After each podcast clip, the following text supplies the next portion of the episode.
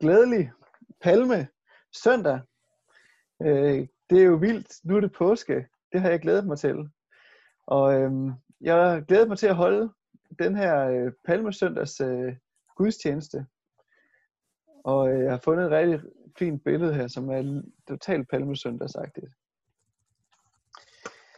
Det er indtoget i Jerusalem i dag. Og øh, nu her palmesøndag, så er vi faktisk øh, vidne til noget, som er meget frægt fra Jesus side. Fordi Jesus han kupper en fest i dag. Og han gør det, fordi at han øh, vil have, at folk de skal se, at han er konge, og de vil gerne, han vil have, at de skal se, hvilken type konge Jesus han er. Jøderne de er faktisk i gang med at forberede påskefesten i dag. Og det var en fest, hvor de mindes, at Gud han udfriede israelitterne fra Ægypten. Der er sikkert flere af jer, der kan huske fra anden Mosebog, hvordan man kan læse om, hvordan israelitterne de var slaver i Ægypten under farao. Og øh, de havde det forfærdeligt. Og så Gud han ser deres lidelser. Og Gud han øh, handler, og han kalder Moses til at udfri israelitterne. Og det er den her fest, den her mindehøjtidlighed omkring det, som jøderne de er ved at forberede. De skal til at fejre den. Og så midt i det, så kan vi øh, læse, at der sker det her. Næste dag, der hørte den store folkeskare, som var kommet til festen, at Jesus var på vej til Jerusalem. De tog der palmegrene og gik ham i møde, og de råbte, Hosianna, velsignet være han, som kommer, i Herrens navn, Israels konge. Jesus fik fat i et ungt æsel og satte sig på det, sådan som det står skrevet. Frygt ikke, siger hans datter. Se, din konge kommer, ridende på et æsels følge. Så der er den her fest i gang, ikke? så kommer Jesus ridende og kupper den her fest. Godt nok så skaren begynder at råbe af Jesus ikke. Hosianna, det kan Jesus jo ikke selv gøre for. Men at Jesus han tager, tager et æselfølge og rider ind i Jerusalem på det, under det her store postyr, altså det er helt klart, det er noget Jesus han gør. Og han ved godt, at øh, det vil skabe røre, fordi at det minder nemlig folkene om en profeti, som de kender fra Zacharias' bog. En profeti om, at der skal komme en konge, der rider ind i Jerusalem på et æselfød. Så vi læser jo om, hvordan Jesus han træder ind i den her profeti. Han iscenesætter det nærmest ikke, og lader sig hylde alt imens, at jøderne er ved at forberede en fest. Det, der sker her på Palmesøndag, ikke? det vil nærmest svare til, at øh, hele nationen Danmark er i gang med at fejre Danmarks befrielse 5. maj. Med flag og med musik og taler og alt, der hører til. Og så imens flagene de svejer og lysene bliver tændt i vinduerne, så kommer der sådan en semikendt kunstner med stort uh, hipsterskæg, langt fedtet hår, en slidt, en slidt Gibson, cyklende hen over dronning Louises bro på sådan en Christiania-cykel. Og så proklamerer han rundt til alle, det er godt, at der bliver festet og fejret i dag, fordi jeg har nemlig et nyt stort gennembrud på vej. Og fremover, så vil I ikke huske 5. maj for Danmarks befrielse, men I vil huske 5. maj for mit nye album, som udkommer. Det ville jo være skandaløst, ikke? Altså, svært at tage alvorligt. Men Jesus, han kupper festen, der er i gang. Han ønsker, at påsken skal få en helt ny betydning for jøderne. Jesus han gør det for at få dem til at se, hvad der er på spil. Hvad det er, der er ved at ske. Og når Jesus han vælger at ride ind i Jerusalem på et æsel, så er det lige præcis for at få dem til at tænke på Zacharias' ord. Se, din konge kommer til dig retfærdig og sejrig. Sagt modig, ridende på et æsel, på en æsels hoppefølge. Folk de skulle forstå, at Jesus han var konge. Og øh, den konge, de havde ventet på. Men han ville også have, at de skulle se, hvilken type konge han var. Og det er, jeg synes, det er interessant, de her Zacharias' ord, ikke? de første to vers. Ikke? Se, din konge kommer til dig, retfærdig og sejrrig. Jesus han er konge, ikke? han er ophøjet, sejrrig konge. Så de næste to linjer er ikke sagt modig. Og sagt modig, det betyder en, som ikke protesterer, eller en, som ikke beklager sig. Sagt modig og ridende på et æsel. På en æsels hoppefølge. Så Jesus han er konge, men han kommer på et æselføde. Altså en rigtig konge, ikke? Han vil komme på en stor, hvid krigshest. Sådan en, der kommer lige fra kampen, og så rider ind i byen, ikke? Det er en rigtig konge. Men Jesus han kommer på et æselfølge. Et æselfølge, det vil være um, passende for et barn, eller for en hobbit, eller for et eller andet, men ikke for en konge. Så det er tydeligt, at den konge, som Zakarias snakker om, og den konge, som Jesus er, ikke er nogen almindelig konge. Jesus, han er den type konge, der kan holde to yderpoler sammen. Han er ydmyg, og han er sagt modig, og han er en mægtig konge, der kommer med en ny verdensorden. Og han er begge dele. To ting, som kan synes som modsætninger, de holder sammen, når vi ser på, hvilken type konge Jesus han er. Og det er kun Jesus, der kan være den type konge. Kun Jesus kan være både moder Teresa og Winston Churchill. Altså tjene de svageste og lede med stor kraft. Kun Jesus var både ømhed og kraft, svaghed og styrke, tjener og hersker. Kun Jesus er den type konge, som kan være begge dele i samme person. Det er den type konge, han er. Og det ønskede han, at de skulle se. Der er et andet sted i Bibelen, hvor vi også læser omkring, hvem Jesus han er som konge. Vi læste øh, indtoget i Jerusalem her fra Johannes, og øh, i Johannes åbenbaringen, den sidste bog i Bibelen, ikke? der skriver Johannes sådan her. Græd ikke, for løven af Judas stamme. Davids rodskud har sejret, så han kan åbne bogen og den syv sejl. Og jeg så et lam stå mellem tronen og de fire levende væsener og de ældste. Og det her det er jo en profeti, som Johannes han kommer med, som handler om Jesus. Og han bruger her to billeder på Jesus. Ikke? At Jesus han er løven, og at Jesus han er lammet. Han er løven og lammet. Jesus er konge, retfærdig og sejrrig. Det er jo billedet på løven. Og Jesus han er sagt modig og ydmyg. Han sidder på et æselfølge. Det er Jesus som lam. Og jeg har lyst til, at vi her i dag kigger på de her to sider af Jesus, ikke? løven og lammet, for at få lidt ud, hvilken type konge Jesus han er, når han kommer til os i dag. Lad os prøve at se på den ene type først. Jesus som lammet. Jesus han er konge, og han er et lam. Prøv at tænke over, hvad man forbinder med et lam. Et lam, det er måske det mindst skræmmende dyr, man overhovedet kan forestille sig. Et lam er nærmest som en magnet, ikke? Altså, det drager en tæt på, fordi man har lyst til at age det. Man har lyst til at mærke det en bløde pels, ikke? Og varmen fra lammet. Lammet er sky og står i svaghed. Jesus, han er et lam. Han er vores påskelam.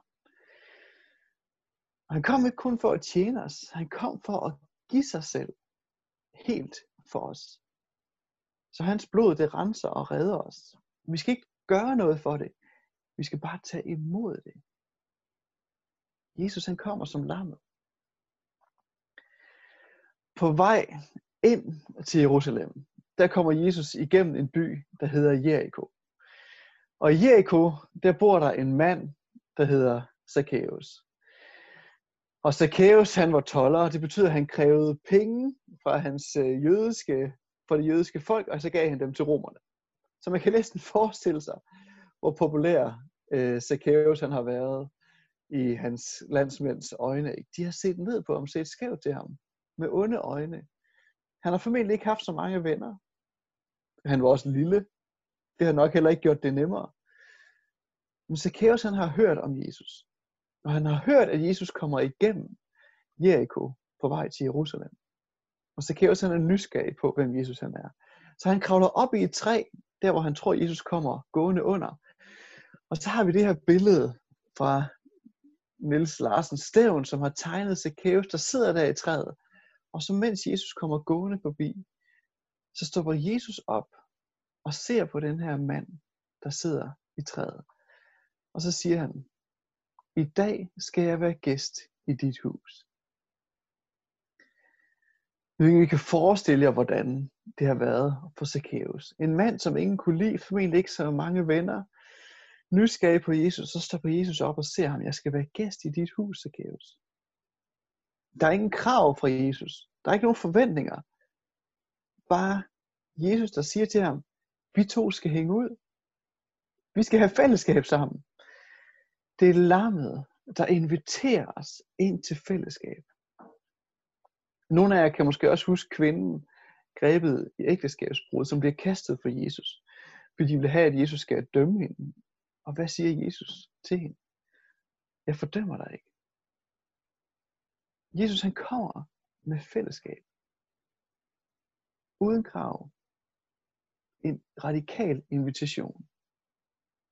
Jesus han kommer som lammet med trøst og med opmundring og med omsorg. Men Jesus han kommer til os som konge i dag. Ikke en almindelig konge. Han kommer som en konge, der er, også er et lam for os. Radikal invitation. Men Jesus han kommer ikke kun som lammet. Jesus han kommer også som løven. Løven, det majestatiske dyr. Jesus han er løve. Han er en konge, der kommer med en plan og med et rige. Jesus han har en plan, og han er kompromilløs i at gennemføre hans plan. Den måde, han gennemfører den på, den er anderledes, end hvad man normalt vil forvente af en konge med en meget klar plan. Fordi han er ikke kun løve, han er også lam, ikke? så han kommer med frihed med hans plan. Man skal ikke tage fejl. Hans dagsorden er urokkelig. Og hans kraft, den er enorm. Hvor meget power er der egentlig i Jesus som løven? Når han befaler over sygdommen, så forsvinder de. Folk de bliver raske. Når han befaler over vejret, så ligger stormen sig. Han dør og bliver begravet. Med døden kunne ikke holde på ham. Aldrig har der været en konge med så meget kraft. Jesus han er en konge, der kommer i kraft. Og Jesus som konge inviterer os til at blive en del af hans rige. Blive en del af hans mission. Og når vi siger ja, vi vil gerne være en del af din mission, Jesus, så vil vi opleve, at han er kompromilløs, og at han kræver alt af os. På et tidspunkt så kommer der sådan en rig ung mand til Jesus. Og det var en af de typer rige unge mænd, som opførte sig rigtig pænt. Sådan, der kunne være et forbillede for mange. Folk så på ham, den rige unge mand, og siger, han er en god, han er en god mand. Og så spurgte Jesus, hvad mere skal jeg gøre? Og så siger Jesus til ham, du skal sælge alt, hvad du har. Giv det til det fattige, og så skal du følge mig. Jesus han havde kun én dagsorden, og det var hans egen dagsorden, og det er at bygge Guds rige, og bygge Guds rige på Guds måde, det er hans dagsorden, og han går ikke på kompromis. Og når vi læser om Jesus og disciplene, og hvordan de vandrer sammen, så kan vi også igen og igen læse om, hvordan nogle af de ting, Jesus han siger til disciplene, er vanvittigt udfordrende. Blandt andet så kan vi læse sådan her i Lukas evangeliet, ikke? at Jesus siger til dem, hvis nogen kommer til mig, og ikke hader sin far, mor, hustru og børn, brødre og søstre, ja, sit eget liv, så kan han ikke være min disciple. Den, der ikke bærer sit kors og går i mit spor, kan ikke være min disciple. Og til længere nede i kapitlet, ingen af jer kan være min disciple, uden at give afkald på alt sit eget. Jesus, han kommer som en konge med en plan, og han er kompromilløs. Og Jesus han kan bede os om hvad som helst, hvis vi siger, vi ønsker at være med i hans mission. Fordi han ved, at vi kan stå i det, og vi kan stå det igennem, og vi kan gennemføre det, fordi han er med os. Så Jesus som løven med utrolig kraft, et rige, der er urokkeligt, det er den type konge, han er. Han er en helt vild konge. Ikke? Han er både lam og løve. Her er et spørgsmål. Ikke? Hvornår har du oplevet, at Jesus kommer til dig som løven? Så prøv at tænke over det her. Hvornår har du oplevet den her side af Jesus, hvor han har bedt dig om et eller andet, som var udfordrende?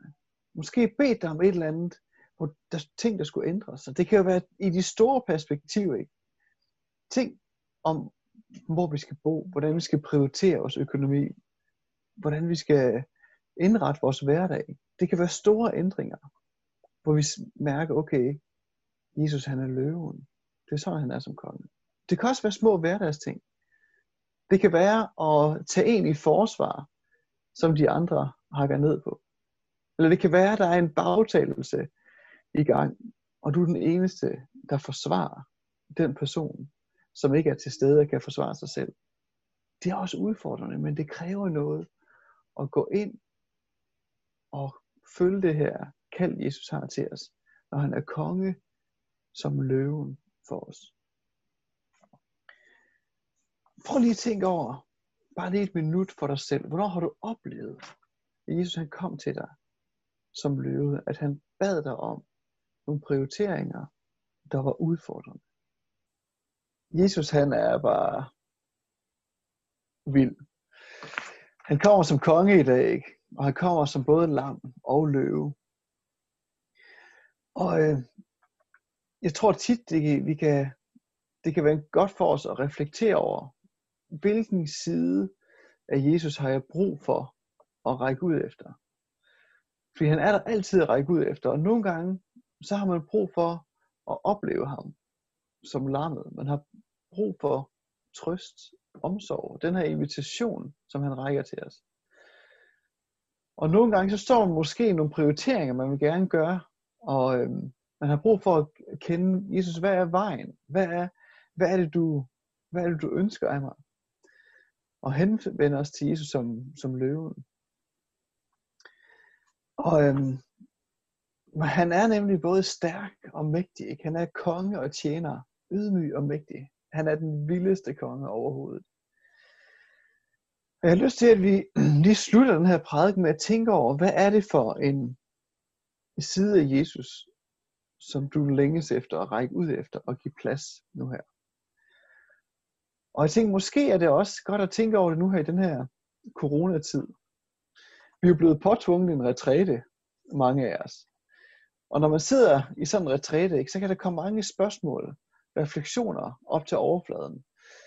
Øhm, jeg kan huske, når jeg har været på retræte de første gange, så tænker jeg, Ej, det er bare, så skal jeg bare slappe af, og det bliver bare nemt.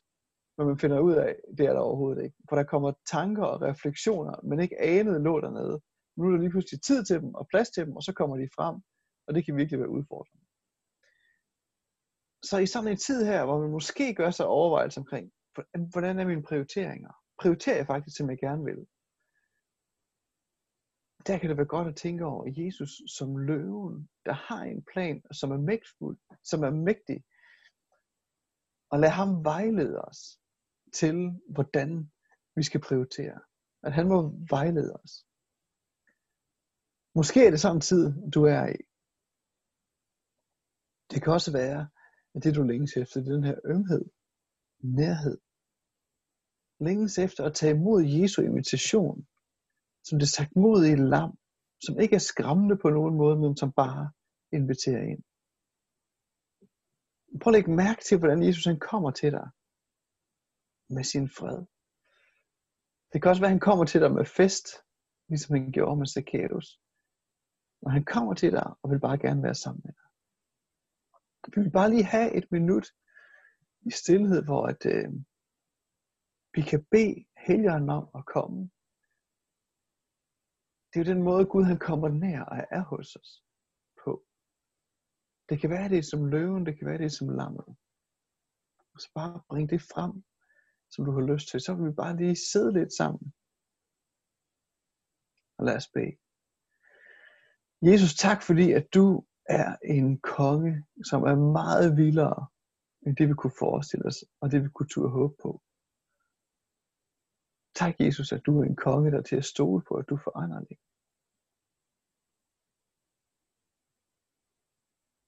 Og Helligånd, vi beder dig om at komme nu. Hvis du længes efter at møde Jesus som lammet, så vil jeg invitere dig til at bare åbne dit hjerte. Måske lukke øjnene. Det hjælper, for at man ikke bliver så distraheret. Kom Helligånd. Kom Helligånd med din trøst. Kom Helligånd og lad os mærke, at du er helt nær hos os.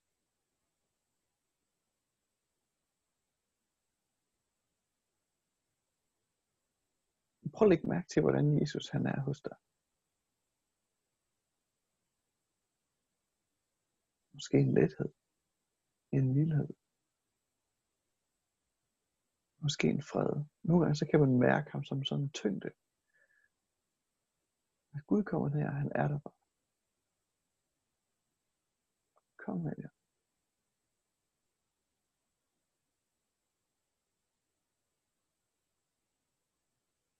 Og hvis du står i øh, refleksioner omkring prioriteringer og nogle af de større ting, du vil tage dem op til overvejelse, så vil jeg invitere dig til bare at lægge det frem for Jesus.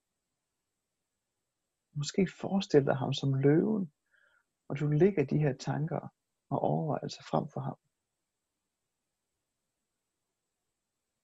Jeg beder Helligånden, at du vil komme med vejledning. Og jeg beder dig om, at du vil komme med fred og tryghed. Selv ind i beslutninger, der måske kan have store konsekvenser og kan være meget udfordrende at tage. Jeg beder om, at du vil komme med din fred og din tryghed.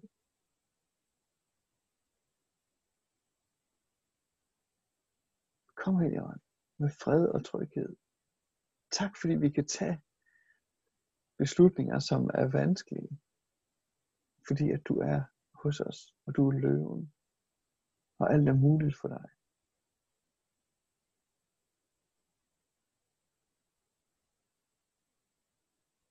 Helligånd, tak fordi du er os nær. I Jesu navn. Amen.